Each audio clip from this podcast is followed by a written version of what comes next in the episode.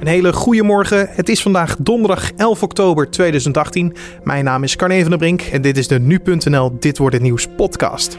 We bellen zo met COC Nederland over jongeren die uit de kast komen. Het is namelijk vandaag de internationale Coming Out Day. Jongeren die lesbisch of bi of homo zijn, die, uh, die komen daar achter rond hun uh, 13e, 14e. En dan blijven ze eigenlijk nog een paar jaar in de kast zitten voordat ze dat dus uh, tegen iemand anders zeggen. En uh, dat doen ze met name omdat, omdat ze hun schoolomgeving vaak als, uh, als onveilig zien. En in avifauna is een bijzondere loopvogel geboren. Eentje die met uitsterven wordt bedreigd. Positief nieuws, want andere dierentuinen in Europa hebben geen geluk gehad. Om welke vogel het gaat, dat hoor je straks. Eerst het belangrijkste nieuws van nu. De orkaan Michael is in de Amerikaanse staat Florida aan land gekomen. Ook boven het land blijft de orkaan krachtig en laat een spoor van vernieling achter. De autoriteiten hebben al een dodelijk slachtoffer gemeld. En de orkaan was van de vierde categorie toen het aan land kwam. Met windsnelheden van 250 km per uur. Michael is daarmee de krachtigste orkaan die het Amerikaanse vasteland bereikt sinds 1992. Zeker 160 geradicaliseerde moslims worden door gemeenten en politie en veiligheidsdiensten actief in de gaten gehouden onder de zogeheten persoonsgerichte aanpak voorkom radicalisering en extremisme. Na een rondgang van de Volkskrant gaven 9 van de 25 gevraagde gemeenten duidelijkheid over hoeveel geradicaliseerde moslims deze behandeling krijgen. De gemeenten Amsterdam, Den Haag, Rotterdam en Arnhem volgen de meeste personen via de PGA. Zij ontvangen ook het meeste geld van de 6 miljoen euro die 25 gemeentes jaarlijks ontvangen van het ministerie voor de versterking van de persoonsgerichte aanpak. In Rockland County in de Amerikaanse staat New York is een man opgepakt die plannen had om op de verkiezingsdag in november in Washington DC een bom af te laten gaan. De man is aangeklaagd vanwege het maken van een bom, het plannen van een bomaanslag en het vervoeren van explosieve materialen. Op 6 november worden in de Verenigde Staten de verkiezingen gehouden voor het congres. Op Java zijn drie mensen omgekomen na een aardbeving in Indonesië. Ze kwamen om doordat het gebouw waarin ze lagen te slapen instortte. De beving had een kracht van 6,0 en meerdere gebouwen zijn flink beschadigd op Java. De aardbeving zorgde ook voor veel paniek onder bewoners van het Indonesische eiland. En dan kijken we naar de dag van vandaag, oftewel dit wordt nieuws. Het is vandaag de internationale Kom uit de Kast dag. Is het uit de kast komen lastig voor jongeren of gaat het ze goed af? En is deze dag nog altijd nodig? Daarover belde collega Julien Dom met Geert-Jan Edelenbos, projectmanager jeugd en educatie bij het COC Nederland. Uh, ja, het is nog zeker belangrijk. Deze dag gaat over, uh, gaat over zichtbaarheid en dat is, uh, dat is belangrijk, want zonder zichtbaarheid is er, is er geen acceptatie. Um, ja, LHBT-mensen moeten ja, volledig zichzelf kunnen zijn in de maatschappij. Dat betekent dat ze ook hand in hand moeten kunnen lopen of over straat of elkaar een zoek moeten kunnen geven. Zonder dat ze daarbij gek worden aangekeken of daar, daar bang voor, voor, zouden moeten zijn. Is er een drempel voor jongeren om uit de kast te komen? Um, nou, voor jongeren is het nog, uh, is het nog best lastig. Um, ja, je moet je voorstellen dat je dat, jongeren die lesbisch of bi of homo zijn, die uh, die komen daar achter rond hun uh, 13e, 14e. En dan blijven ze eigenlijk nog een paar jaar in de kast zitten voordat ze dat dus uh, tegen iemand anders zeggen. En dat doen ze met name omdat ze, um, omdat ze hun schoolomgeving vaak als, als onveilig zien. je ziet dat, dat slechts 7% van ouders niet accepterend is. en veel in de omgeving, ja, die, die, die schoolomgeving is, is, is vooral echt het. Um, echt het, het, het punt. En zo'n de helft van de, van de, van de lesbische en homo- en bi-jongeren die uit de kast zijn, heeft in het afgelopen jaar ook te maken gehad met best op het negatieve reacties uh, rondom hun geaardheid. En 13 of 14 jaar zeg je, dat is toch best jong, of niet? Ja, dat, dat zou je jong kunnen vinden. Maar ik denk dat het eigenlijk uh, uh, vrij normaal is. Ja, de, de meeste jongeren in een, in een puberteit, in een puberteit um, nou, ontdekken hun seksuele gevoelens. Dus ik denk eigenlijk dat ze 13, 14 eigenlijk nog best uh, prima is. Ik had het misschien nog wel eerder verwacht. Oké, okay, misschien nog wel eerder. Denk je dat dat nog zal veranderen? Misschien in de loop van de tijd? Dat het nog wat jonger wordt dan? Ja, dat, dat cijfer is in de afgelopen jaren ook wel gedaald. En dat zal misschien nog wel, uh, wel iets dalen. En het zal uh, ongetwijfeld, dat, of tenminste dat hoop ik ook eigenlijk, het, het cijfer, het gemiddelde cijfer, of het gemiddelde, de gemiddelde leeftijd waarop jongeren uit de kast komen, is ook gedaald over de afgelopen jaren. Uh, en ik hoop eigenlijk dat dat, uh, dat dat steeds verder zal dalen. Ook, ook, eigenlijk dat die, die tijd tussen het, je, het beseffen dat je een bepaalde seksualiteit hebt en het daarover durven praten, dat die heel kort is. hoe kan je mensen, jongeren steunen daarin om toch ja, te zeggen van ja weet je, het maakt eigenlijk misschien helemaal niet uit wat andere mensen denken als jij je maar gelukkig voelt. Ja, nou, ik denk echt vooral belangrijk is dat je dat, uh, dat je dat uit, dat je dat, uh, dat je dat laat weten aan anderen, dat je dat vindt. Um, en daar uh, er zijn natuurlijk ook verschillende manieren voor. Um, in december is het altijd Paarse Vrijdag. En dat is, dat is, dat is altijd een beetje de dag waar, waar, waar het hier over gaat op scholen, op middelbare scholen. En dan dragen leerlingen bijvoorbeeld een paars bandje om te laten zien dat zij, uh, dat zij steun bieden. Uh, maar dat kan natuurlijk ook op zo'n coming-out dag kun je natuurlijk laten zien, of eigenlijk alle andere dagen die je gewoon uit van hé, hey, ik vind het oké dat iedereen zichzelf moet kunnen zijn. Of dat je als jongere daar ook tegen ingaat als er bijvoorbeeld gescholden wordt met homo. Want homo is nog steeds het uh, meest gebruikte scheldwoord op scholen.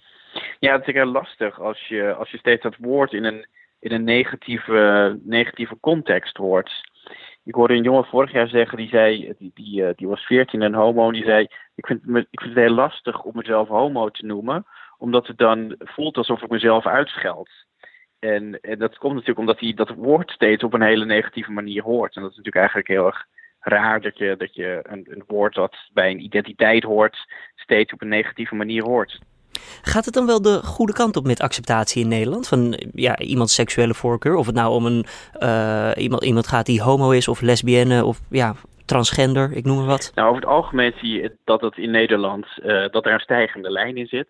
En op dit moment is het volgens mij 96% van uh, de Nederlanders vindt dat homo's en lesbiennes en biseksuelen het leven moeten leiden zoals ze dat, zoals ze dat willen of zoals ze zijn. maar toch zie je ook dat uh, dat, dat er gewoon wat schijntolerantie is. Dus als je vraagt aan, uh, aan, aan mensen, mogen, mogen homo's zoenen op straat? Dan is het opeens veel minder dan, dan mogen mannen en vrouwen op straat met elkaar zoenen.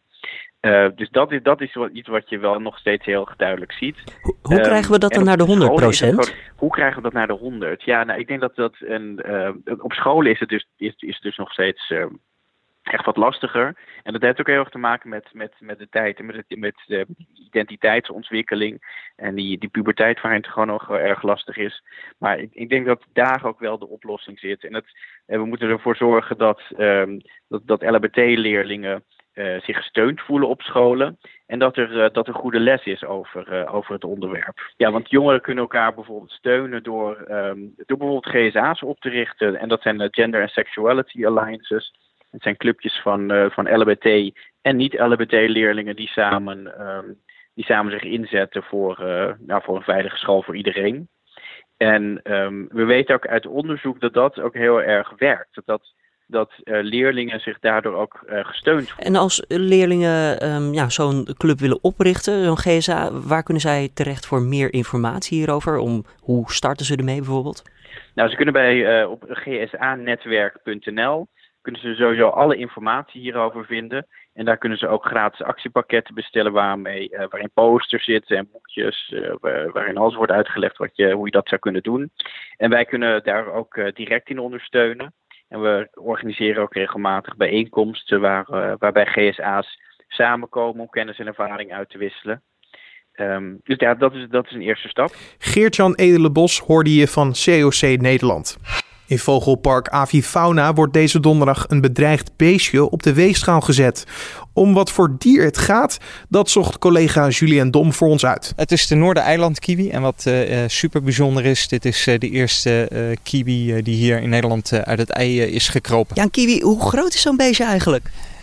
als die volwassen is, is die tussen de 35 en 40 centimeter. Um, en als die geboren of uit het ei kruipt, is die een centimeter of 10. Het is best wel een rond beest eigenlijk, hè?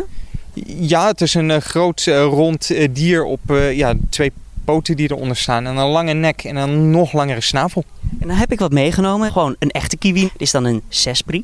Um, dat is een soort die niet zo met uitsterven bedreigd is. Maar hebben, hebben ze wat met elkaar overeen? Want ja, als een kiwi is ook bruin, toch?